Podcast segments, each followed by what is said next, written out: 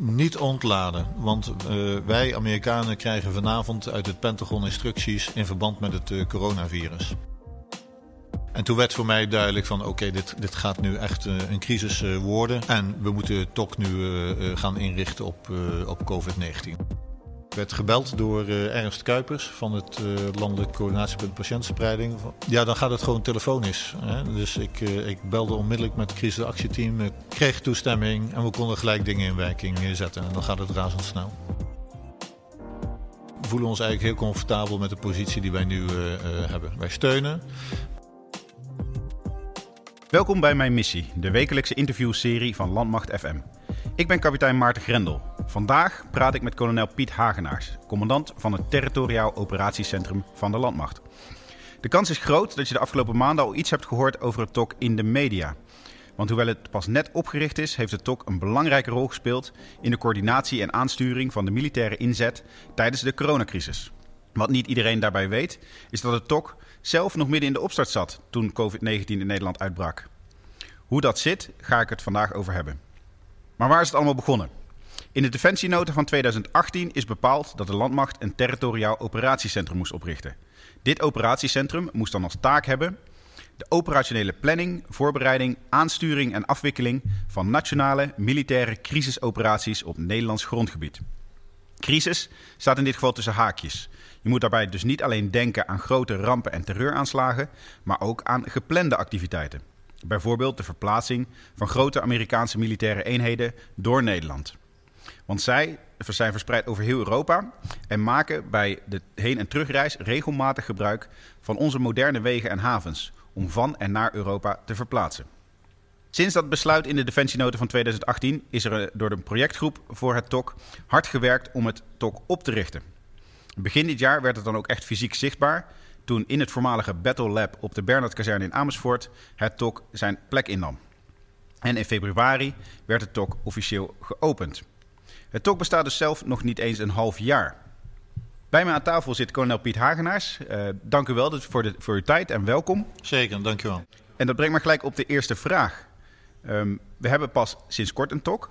Hoe ging het daarvoor in het geval dat er een ramp zou uitbreken of dat er een grote verplaatsing in Nederland was? Ja, als je teruggaat in de tijd, in de, de Koude Oorlog nog, dan hadden we binnen de landmacht daar bijvoorbeeld het eh, Nationaal Territoriaal Commando uh, voor.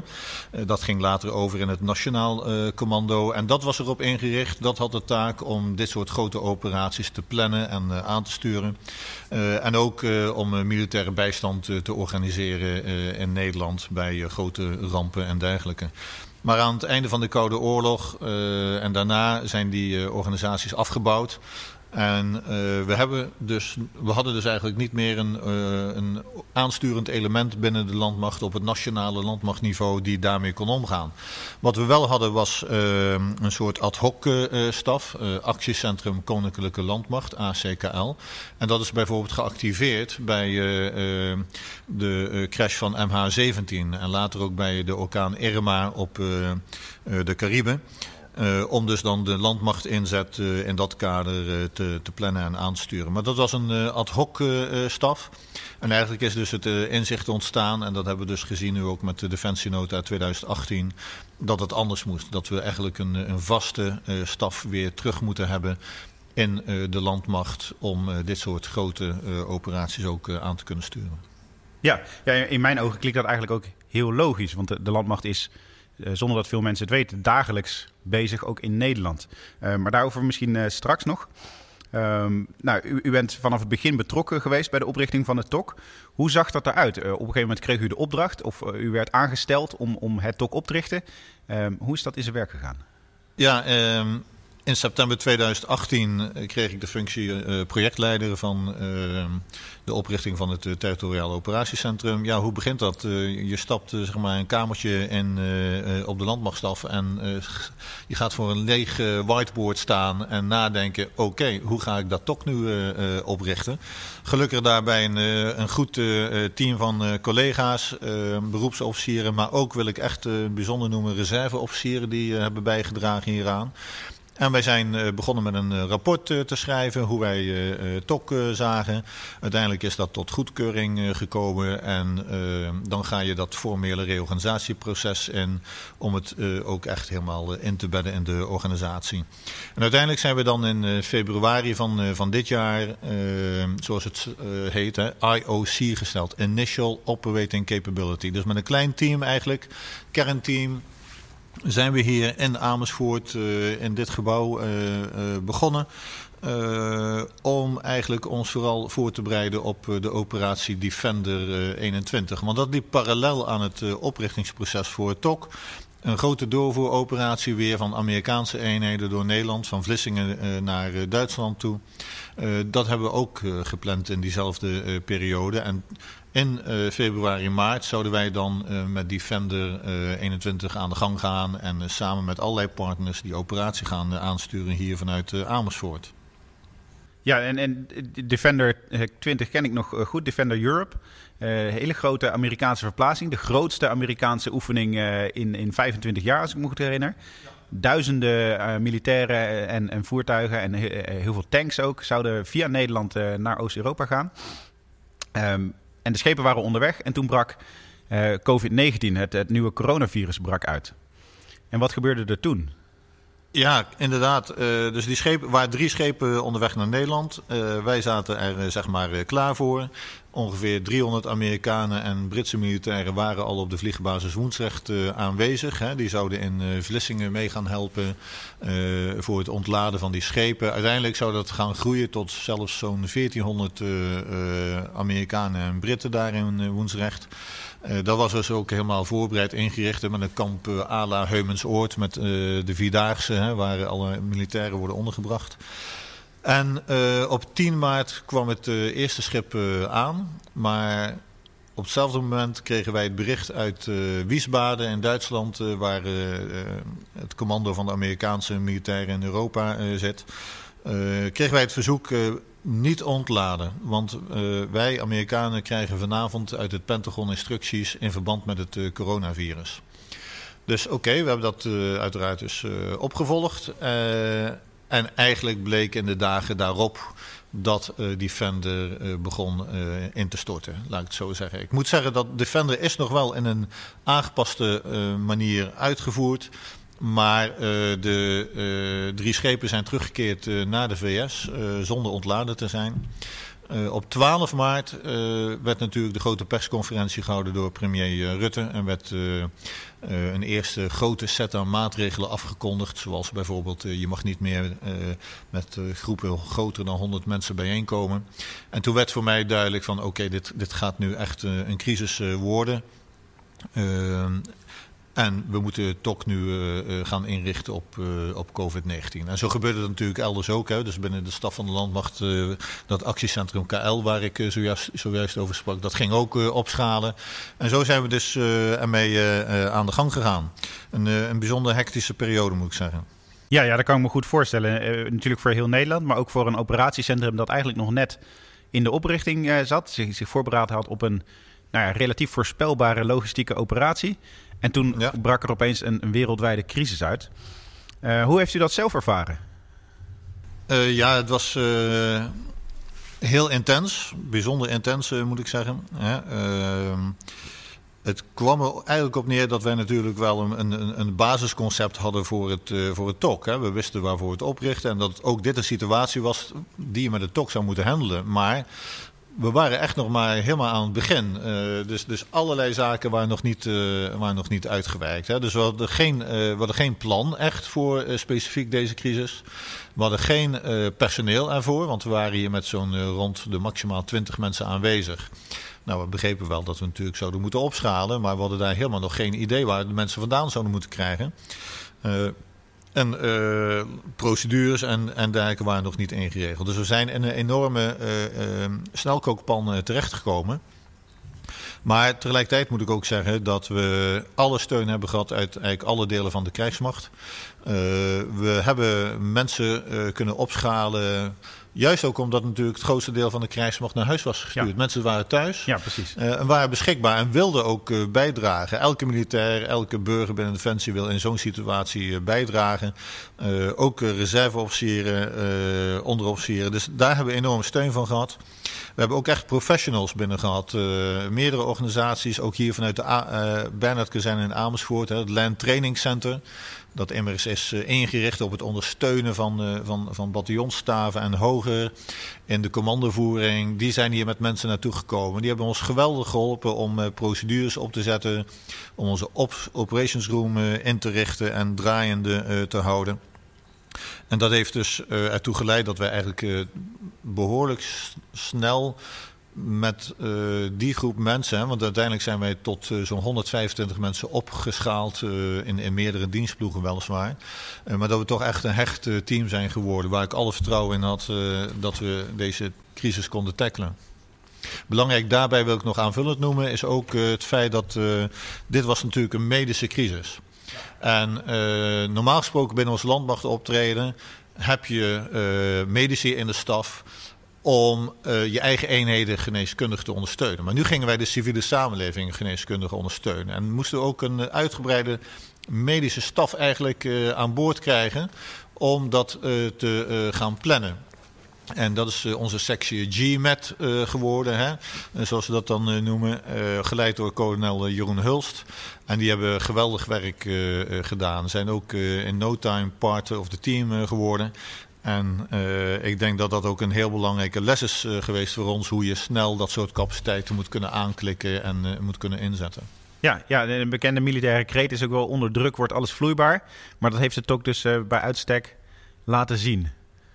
Ja, wij, wij hebben nu en het is natuurlijk een heel tragische context. En je zou willen dat het niet nodig was uh, geweest. En uh, kijk, want uiteindelijk uh, hadden we dit ook met, met oefeningen kunnen bereiken. Maar dan had het waarschijnlijk veel langer geduurd. Nu is het in een heel korte tijd tot stand gekomen. en, en niet onbelangrijk, omdat allerlei soorten crisis kunnen ons land raken. dat is natuurlijk ook de achtergrond van de oprichting van het TOC. Dus ja, hoe sneller wij op, op eigen benen staan, hoe beter. Ja, en nou ja, we weten allemaal, uh, de, de, eerste piek hebben we gehad. Het leven gaat weer langzaam terug naar, naar het nieuwe normaal. In ieder geval in de anderhalve meter samenleving. Uh, we mogen weer steeds meer.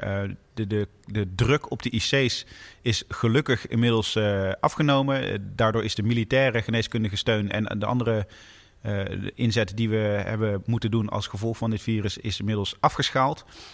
Um, maar maakt u zich zorgen voor, voor een, een, een, opleving van het virus, een tweede piek waarover gesproken wordt, of uh, dat het nog op een andere manier ja. weer um, ja, escaleert? Uh, ja, zeker. Um, kijk, wij, wij militairen uh, gaan natuurlijk vaak ook van, van, van de worst case planning uit, worst case scenario.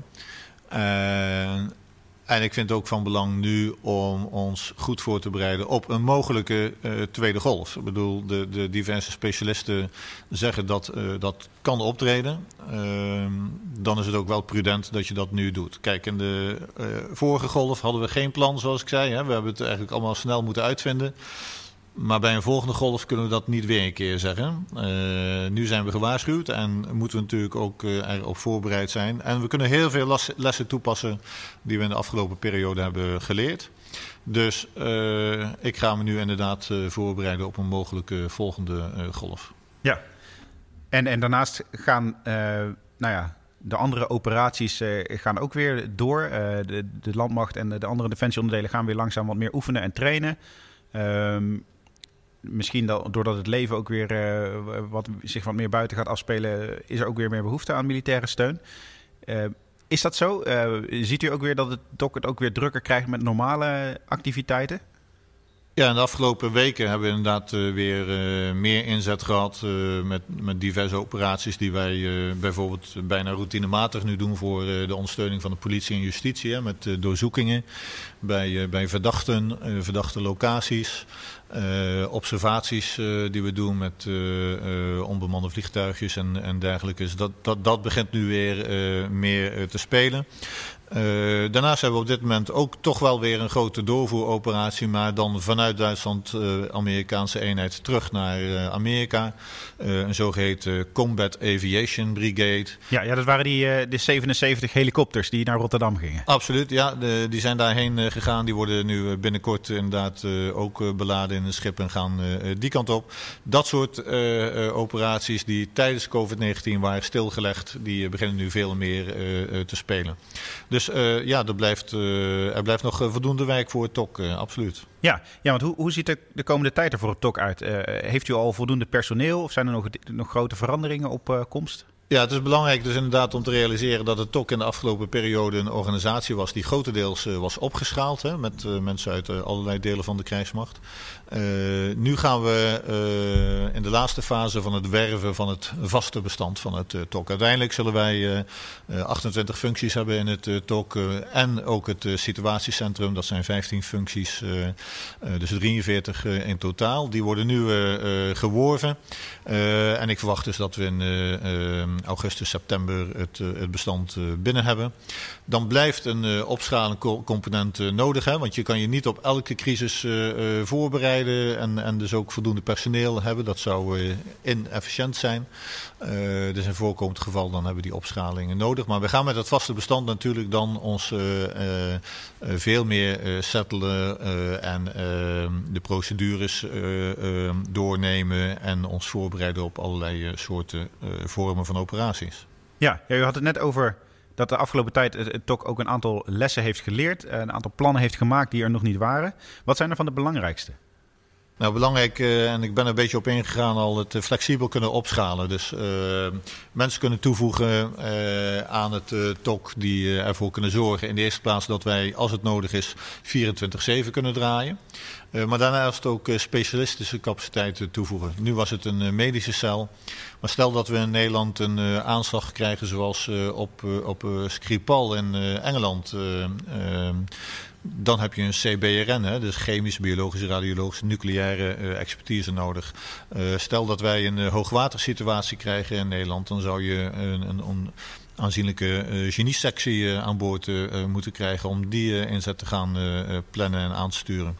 En zo moet je dus per geval ook kijken wat je nodig hebt. Dus daar moet, moeten natuurlijk vooraf afspraken over worden gemaakt met de diverse hè, onderdelen binnen de landmacht en daarbuiten zelfs. Dus dat zijn ook zaken waarmee we aan de slag gaan. Dus dat is een belangrijke les.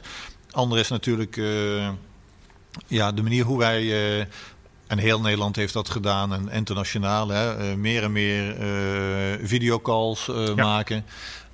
Wat toch een belangrijke ja, verhoging is van de effectiviteit. Het is niet zo goed zoals wij nu bij elkaar zitten en zaken op aan tafel kunnen plannen, et cetera.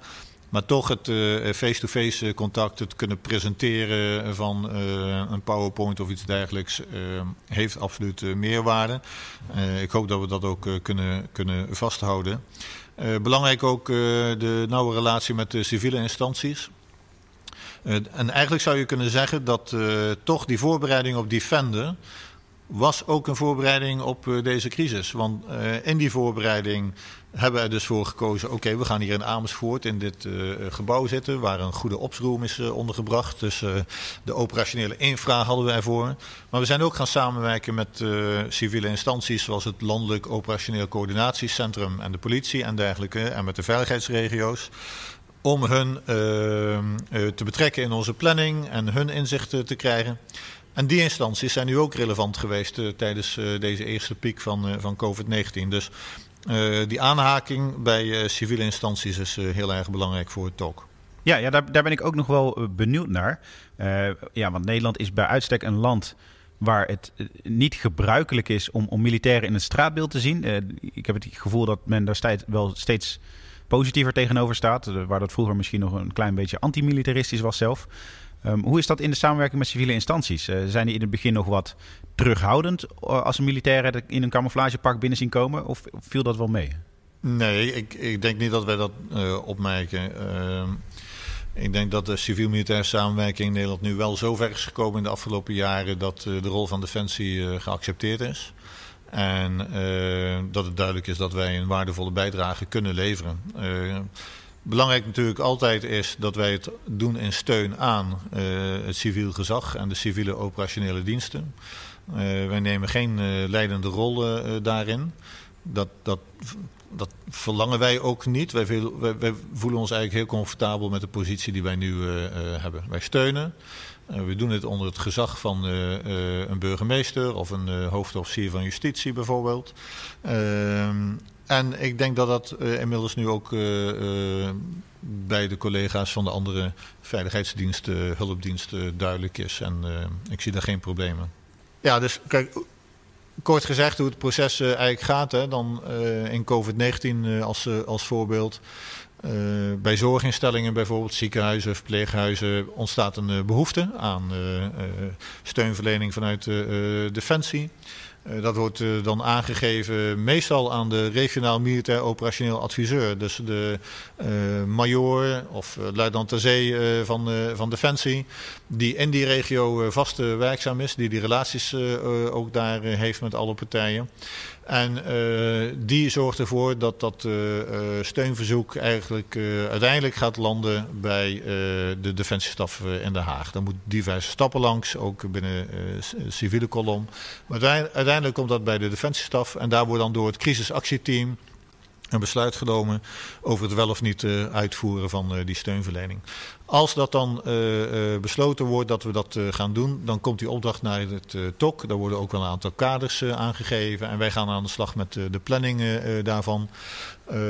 maar hebben dan ook nauw contact met de ondercommandanten van de commandant van de landmacht, generaal Wijnen.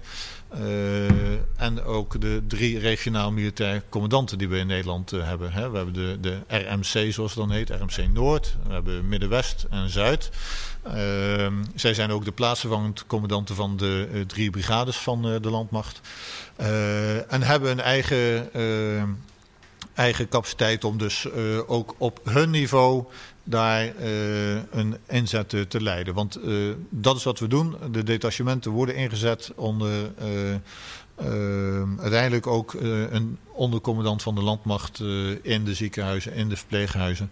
En de regionaal militair commandanten zijn eigenlijk van belang om dan toe te zien dat zo'n inzet ook binnen het mandaat plaatsvindt dat er wordt is gegeven. Om daar lokaal en regionaal de relaties met civiele autoriteiten te onderhouden. Ehm, dus er is inderdaad een, een hiërarchie in. Hè. een verzoek komt langs de civiele lijn uiteindelijk bij Defensie binnen. En aan het begin daarvan is een, een, militair die we in zo'n regio hebben heel erg belangrijk. Dat is die adviseur die we hebben. Defensiestaf neemt een besluit. TOC gaat aan de slag met planning uitvoering uh, ligt bij een ondercommandant van uh, generaal Wijnen, de commandant van de landmacht. En de regionaal militaire commandanten zijn uh, heel erg belangrijk om daar ook op toe te zien en de relaties daar te onderhouden. Dus het is inderdaad een, een, een heel stelsel dat ermee bezig is. Ja, ja er zitten dus verschillende lagen tussen voordat een aanvraag van bijvoorbeeld de politie of een civiel ziekenhuis uiteindelijk resulteert in de inzet van militairen. Maar ik kan me ook voorstellen dat dat proces wel snel moet uh, doorlopen moet worden in een crisissituatie. Of, of bijvoorbeeld, om een ander concreet voorbeeld te noemen, als er een, een kolonne tractoren onderweg is naar Den Haag en uh, er moeten wat wegen afgesloten worden. Ja, dat klopt. Uh, dus die, die stappen die moeten worden genomen, maar het kan ook razendsnel. Uh, dat heb ik op meerdere malen al wel gemerkt. Ik werd gebeld door Ernst Kuipers van het Landelijk Coördinatiepunt Patiëntenspreiding, waarin hij mij toelichten wat eigenlijk hun probleem was. Hè, om, om dat punt ook uh, zeg maar op, te, op te richten. En dat hij defensiesteun uh, zocht. En ja, dan gaat het gewoon telefonisch. Hè. Dus ik, ik belde onmiddellijk met het crisisactieteam. collega kolonel Pieter Tankink, Peter Tankink kreeg toestemming en we konden gelijk dingen in werking ja. zetten. En zo gaat het ook inderdaad met dit soort heel spoed, spoedeisende inzetten dat kan ook uh, uh, telefonisch uh, vaak dan worden afgedaan en dan gaat het razendsnel. En, en dus misschien is het soms juist wel goed om te laten zien dat de militaire aanpak dat die wel heel goed werkt. het Landelijk Coördinatiecentrum Patiëntenspreiding, dat is bij uitstek een manier om een militaire procedure ja, op, succesvol toe te passen op de civiele gezondheidszorg, als ik het zo mag zeggen. Ja, in, crisisomstandigheden uh, absoluut. Uh, en dat is ook heel mooi om dat uh, daar te zien. Ik ben er ook inderdaad geweest. Hè. Daar heeft men onze militaire doctrine voor patiëntenspreiding, die we natuurlijk in Afghanistan ook hebben toegepast en veel ervaring mee hebben opgedaan. die heeft men daar omarmd. En je ziet daar zelfs dat militaire terminologie werd gebruikt, zoals een, een, chief operations of een battle captain mm -hmm. en een commanders update briefing. Door eigenlijk ja, burger, uh, artsen en anders, ander medisch personeel dat dat uh, coördinatiepunt uh, bemenste. Dus dat is mooi te zien hoe wij daar inderdaad dan ook met eigenlijk een heel kleinschalige inzet, hè, twee collega-oversters die daar zijn geweest, heel kleinschalige inzet een groot effect kunnen bereiken. Ja, dat is dan in ieder geval in een positief puntje in een, ja, een, gewoon een, een, hele negatieve Absoluut. crisis. Ja. Ja, u, u zei al van, u zijn druk bezig met, met verschillende eh, zaken, met, met opdrachten. Uh, kijken naar wat de toekomst brengt. Um, ook met, met de eigen inrichting en de vulling van het personelenbestand. Hoe ziet de gemiddelde dag van u eruit als commandant van de TOK? Nou ja, op deze, eh, in, deze fase is dat eigenlijk uh, veel uh, overleg voeren.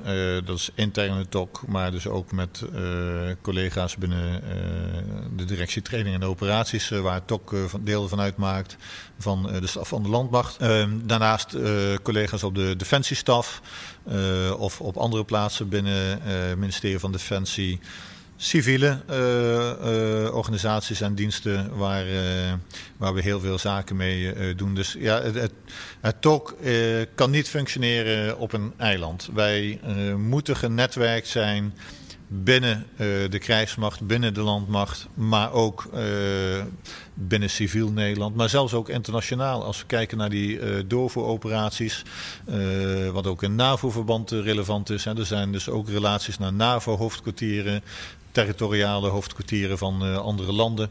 Uh, dus het is nationaal en internationaal, civiel en militair. Als je kijkt uh, tijdens de crisis, hoe het dan mijn dag eruit zag. Ik, ik arriveerde hier meestal zo rond 7 uur. Kwart over zeven kreeg ik een korte briefing in de operations room van uh, hey, wat is afgelopen nacht uh, gebeurd, wat staat er voor deze dag ongeveer op het programma. Uh, om half acht had ik dan een, een huddle, zoals we noemden, met de commandogroep. Dus met mijn chef staf, de adjudant, met kolonel Jeroen Hulst van de medische sectie. En daar spraken we kort door van wat er die dag ging spelen. En van daaraf was het eigenlijk uh, voorbereiding richting de grote Commanders Update briefing. Die om 9 uur uh, sharp uh, werd gehouden aan de commandant van de landmacht, generaal Wijnen of zijn vervanger. Waarin we het beeld gaven van wat is er nu afgelopen 24 uur gebeurd. Wat gaat er de komende 24 uur gebeuren. En we zien we verder nog aan ontwikkelingen. Waarna hij dan zijn, zijn richtlijnen gaf die voor ons dan weer leidend waren om onze werkzaamheden te bepalen. Veel had ik op die dagen op ochtenden videocalls met uh, bijvoorbeeld uh, de defensiestaf, het crisisactieteam, geleid door de kolonel Peter Tankink. op de defensiestaf worden de besluiten genomen over de inzet en stellen ze de kaders. daarbinnen gaan wij aan het werk. En we hadden ook drie keer in de week, sorry, twee keer in de week een, call met de regionaal militair commandanten en de, en de plaatsvervangend commandanten van de andere onderdelen van de landmacht. Om dus uh, bij te praten, op eenzelfde beeld uh, te komen en ook weer uh, te bepalen hoe we met bepaalde zaken zouden omgaan. Dus de hele ochtend was meestal gevuld met dat soort overleg. En dan in de middag had ik meer eigen tijd beschikbaar. die heb ik ook gebruikt om naar bijvoorbeeld ziekenhuizen te gaan, voedselbanken, andere punten waar defensiepersoneel werd ingezet om dan ook het eigen beeld te krijgen, wat eigen belangrijk is. Ja, u, u, bent kolonel. U heeft al een, eh, een, een, een, lange loopbaan achter de rug met uh, waarschijnlijk een hele hoop bijzondere ervaringen. Wat, wat is de meest bijzondere ervaringen, uh, of de meest bijzondere ervaring die u als commandant van het TOK tot nu toe heeft gehad? Ja, wat ik daarvan kan zeggen, wat, wat, echt indruk op mij heeft gemaakt, is het bezoek aan ziekenhuizen en ook de IC-afdelingen waar ik geweest ben. Want dan word je heel erg direct geconfronteerd met de consequenties van zo'n besmetting.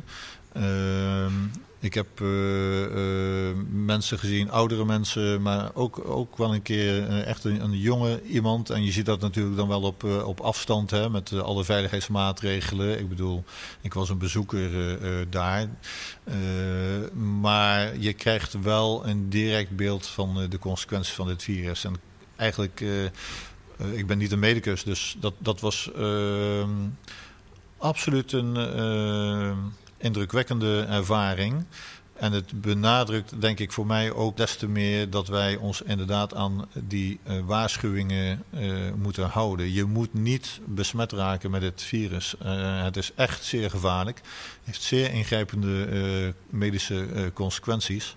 Ehm, dus dat heeft echt veel indruk op mij gemaakt. En ook hoe dus het ondersteunend personeel, het vaste personeel van ziekenhuizen, civiel personeel, onze eigen militairen die daar werden ingezet als artsen en verpleegkundigen, hoe zwaar die omstandigheden zijn geweest om daarin eh, te werken. Mensen moeten volledig beschermd eh, zijn met duikmaskers. Ehm, uiteraard de mondmasker, al die beschermende middelen, wat, wat gewoon zwaar is om in, uh, in te werken voortdurend. Uh, dat heeft veel indruk op me gemaakt. Ja, ja dat kan me goed voorstellen. Um, nou, dat, geeft misschien ook wel gewoon gelijk een beetje een, linkje naar de relevantie van het TOC. Natuurlijk in, in een crisissituatie. Maar in het, in het algemeen, um, waarom hebben we een TOC nodig als, als BV Nederland? Ja, ik zou willen zeggen dat uh, de, de wereld verandert. Um, we merken het denk ik uh, elke dag. Uh, we zagen dat ook natuurlijk al voor dit virus toesloeg. de veiligheidssituatie in de wereld, in Europa, verslechtert. er zijn grote veranderingen. Het is geopolitiek, de positie van Rusland, China, de VS. Uh, maar het heeft ook uh, te maken met andere vormen van uh, crisis die kunnen optreden. Hè. Klimaatverandering heeft consequenties. We zien het nu met een infectieziekte, cyber, et cetera. Het veiligheidsbeeld verslechtert. en ehm, misschien kort door de bocht, hè, maar je zou kunnen zeggen dat tot recent hadden we in Nederland vooral te maken met meer kortdurende plaatselijke rampen en zware ongevallen. Uh, die uh, uh, voor een groot deel ook wel binnen de veiligheidsregio's van Nederland konden worden afgedaan. Ja, nu zie je ook met een voorbeeld van COVID-19. We hebben een nationale, eigenlijk internationale medische crisis. waar echt alle organisaties, ook van de overheid, aan bod komen. en dat zal ook denk ik de toekomst zijn. mijn verwachting is dat wij een onzekere periode ingaan met een groot risico van langdurige, complexe crisis. Het kan geopolitiek zijn het kan anderszins zijn. Uh, en dat betekent dat je als defensie eigenlijk per definitie ook uh, aan de bak moet. Hè. je krijgt te maken met maatschappelijke ontwrichting. Die zien we nu ook optreden. Er zijn allerlei manieren hoe defensie kan bijdragen aan de respons daarop.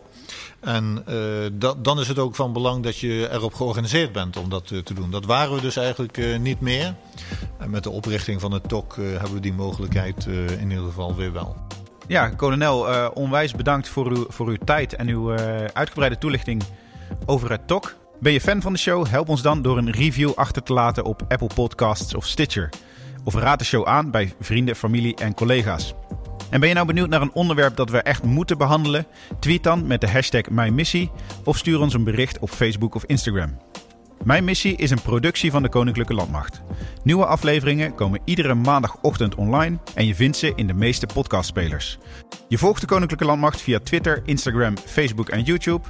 En kijk op defensie.nl voor het laatste nieuws rondom de krijgsmacht. Bedankt voor het luisteren en tot de volgende week. En heeft best wel een leuke carrière gehad. In New York geweest, uh, verschillende uitzendingen. Wilt u daar kort iets over vertellen? Ja, dat kan wel. Uh, dus ik, ik ik ben in 1983 begonnen op de Koninklijke Militaire Academie, de KMA in Breda, om opgeleid te worden tot uh, genieofficier. Uh, de genie is, uh, ja, we noemen het een beetje de aannemer van het leger, om het zo maar te zeggen. Maar ja, dingen bouwen en dingen slopen. Bouwen, bouwen ja. maar ook absoluut slopen. Ehm, en ik werd natuurlijk opgeleid in, nog in de Koude Oorlog. Ehm, ik werd uh, luitenant bij een uh, geniebataljon. En mijn oorlogstaak was bijvoorbeeld het opblazen van de koolbrandbruggen in Hamburg. zo ging dat in die tijd. Hè. Nederland, de landmacht had een bepaald vak, zoals we dat noemden, in Noord-Duitsland, wat verdedigd moest worden tegen het Warschau-pact. En eenheden hadden specifieke taken. En dus mijn peloton had, dat, uh, had de taak om die brug uh, over een zijtak van de Elbe in Hamburg uh, op te blazen als het bevel zou komen.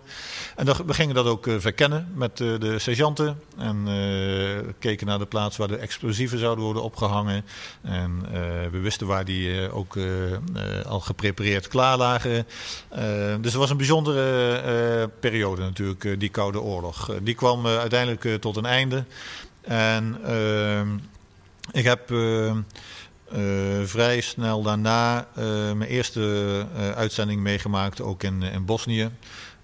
met de VN-macht als inlichtingofficier bij het Nederlands-Belgische transportbataljon dat we daar hadden. In midden-Bosnië, in Busovaca. En dat bataljon was ermee belast om uh, hulpgoederen van uh, UNHCR, hè, de hulpverleningsorganisatie van de VN, door uh, Bosnië te verspreiden. mijn taak als inlichtingofficier was om daar te proberen een dreigingsbeeld te schetsen. En er gebeurde natuurlijk van alles. Ja. Uiteindelijk ook in het gebied zelf waar wij zaten, waar dus de Bosniërs en de Kroaten met elkaar in conflict kwamen, met ook heel afschuwelijke consequenties. Maar dat was eigenlijk mijn eerste missie. Uh, de landmacht ging zich toen uh, natuurlijk veel meer op uh, VN-operaties en andere operaties in het buitenland richten. er was niet zoveel ervaring. En goed, met die ervaring die ik dan had, werd ik gevraagd om in de KL-crisisstaf in Den Haag te gaan werken en daar een soort inlichtingencel op te bouwen. En dat heb ik dus daar gedaan. En daarna ben ik eigenlijk ook wel in meerdere functies in aanraking gebleven met de planning eh, en voorbereiding van, uh, van onze buitenlandse missies. Uh, ik heb dat later in een andere functie in de toenmalige uh, operationele staf uh, van de bevelhebber landstrijdkrachten gedaan. En dat gaf eigenlijk een opstapje naar een mooie plaatsing in New York, waar ik van 1999 tot 2002 heb gewerkt op de Nederlandse permanente vertegenwoordiging bij de VN. Zeg maar de ambassade van Nederland bij de VN. Uh, waar ik heb uh, gewerkt uh, om de relaties met het UN Department of Peacekeeping Operations on, te onderhouden. Want we gingen daar ook weer diverse missies doen. Onder andere ook in Eritrea, waar we een grote, op de grens van Eritrea en Ethiopië. dus dat moest dan ook natuurlijk in New York worden voorbereid. We waren daar ook uh, tijdelijk lid uh, als Nederland van de VN-veiligheidsraad. En dat gaf extra dimensie aan het werk. Want dan uh, zit je natuurlijk in het, bijna in het hart van de besluitvorming op dat niveau van wat in de wereld omgaat. En uiteraard in mijn rol was het ondersteunend aan, aan de diplomaten van de missie en, en de ambassadeur. Maar ik heb uh, talloze bij, bijeenkomsten van de uh, Veiligheidsraad uh, meegemaakt. besloten bijeenkomsten van de Veiligheidsraad.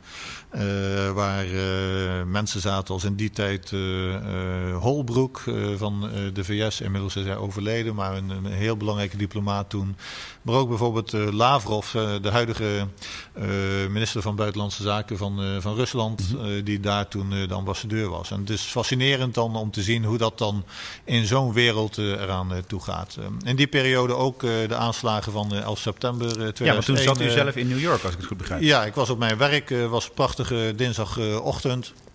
En uh, ja, iemand kwam mijn bureau op en zei: uh, zijn vliegtuig uh, in het World Trade Center gevlogen. Ja, dat was natuurlijk ja, bijzonder.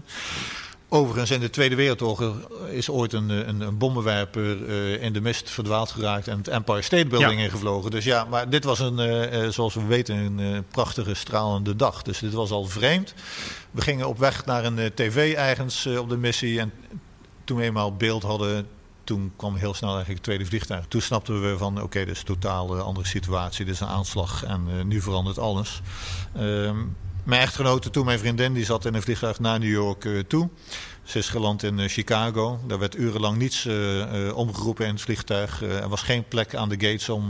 want iedereen, alle vliegtuigen gingen landen. Ja, gingen Niemand ging meer weg. Ja, precies. Ze is uiteindelijk ge, gehitchhiked, dus gelift naar waar ze naartoe moest. Ehm, ja, en uiteindelijk is die dag natuurlijk ook wel bepalend geweest voor alles wat we daarna met de krijgsmacht ook gedaan hebben. Onze missies in Irak, in Afghanistan, Mali, noem het maar op. Mhm. Dus dat was een heel, heel bijzondere dag. Maar uiteindelijk daarna teruggekeerd naar Nederland gewerkt voor de toenmalige bevelhebber de landstrijdkrachten, generaal Eurlings, uh, hogere defensievorming gedaan. En later, tijdens een plaatsing op de defensiestaf, uh, de eerste uitzending naar Afghanistan als planner binnen uh, het Regional Command South in Kandahar. Dat toen werd opgezet. Toen was het nog een Canadese brigadestaf. Het was de eerste RC South. Uh, later nog terug geweest als uh, overste dan als de uh, chefstaf van de Redeployment Task Force. Dus het terughalen van alle ja. middelen uit Oersgan en later ook uit Kandahar. wat natuurlijk een ingrijpende operatie is geweest. Hè? Een, een, belangrijke logistieke operatie, maar ook natuurlijk in een heel operationele context. niet puur logistiek. Het, is, het had ook met beveiliging van konvooien, ja, ja, et cetera, te maken. Uh, aansluitend daaraan direct uh, uh, terug naar de VS. En daar heb, ik vier jaar gewerkt bij zeg maar, het, het opleidings- en trainingscommando van de Amerikaanse landmacht. Ja, dat Training en Doctrine Command. Iets groter is dan het Iets Nederlandse opleidingstrainingscommando. 56.000 militairen en burgers. 1 miljoen mensen die daar elk jaar worden opgeleid. Dus totaal andere omvang. Uh, maar heel interessant om uh, daar eigenlijk alle ontwikkelingen te volgen op het gebied van uh, concepten en leiderschap en mm. bewapening, et cetera. En toen we terugkwamen in Nederland in 2015, toen ben ik gaan werken als plaatsvervangend commandant van de 43e brigade in Havelte. En in die functie ben je dan ook uh, regionaal militair commandant Noord. Dus verantwoordelijk voor de civiel-militaire samenwerking in uh, Noord- en Midden-Nederland. En uh, dat was eigenlijk ook zeg maar de achtergrond om naar deze functie te komen. Ik ben toen betrokken geraakt in een aantal projecten op nationaal niveau. En een daarvan was het oprichten van het territoriale operatiecentrum. Ja. ja, dus eigenlijk al die ervaringen en functies die hebben Ehm, misschien ook wel geleid tot waar u eh, nu zit. Nou ja, goed, dat is wel het mooie natuurlijk wat je ziet bij, uh, bij Defensie. je kan een hele uh, reeks ervaringen opdoen. En op een bepaald moment, ja, dan komt het ook inderdaad bij elkaar. En dat, dat zie ik ook wel in, in deze functie. Dat is het mooie ervan.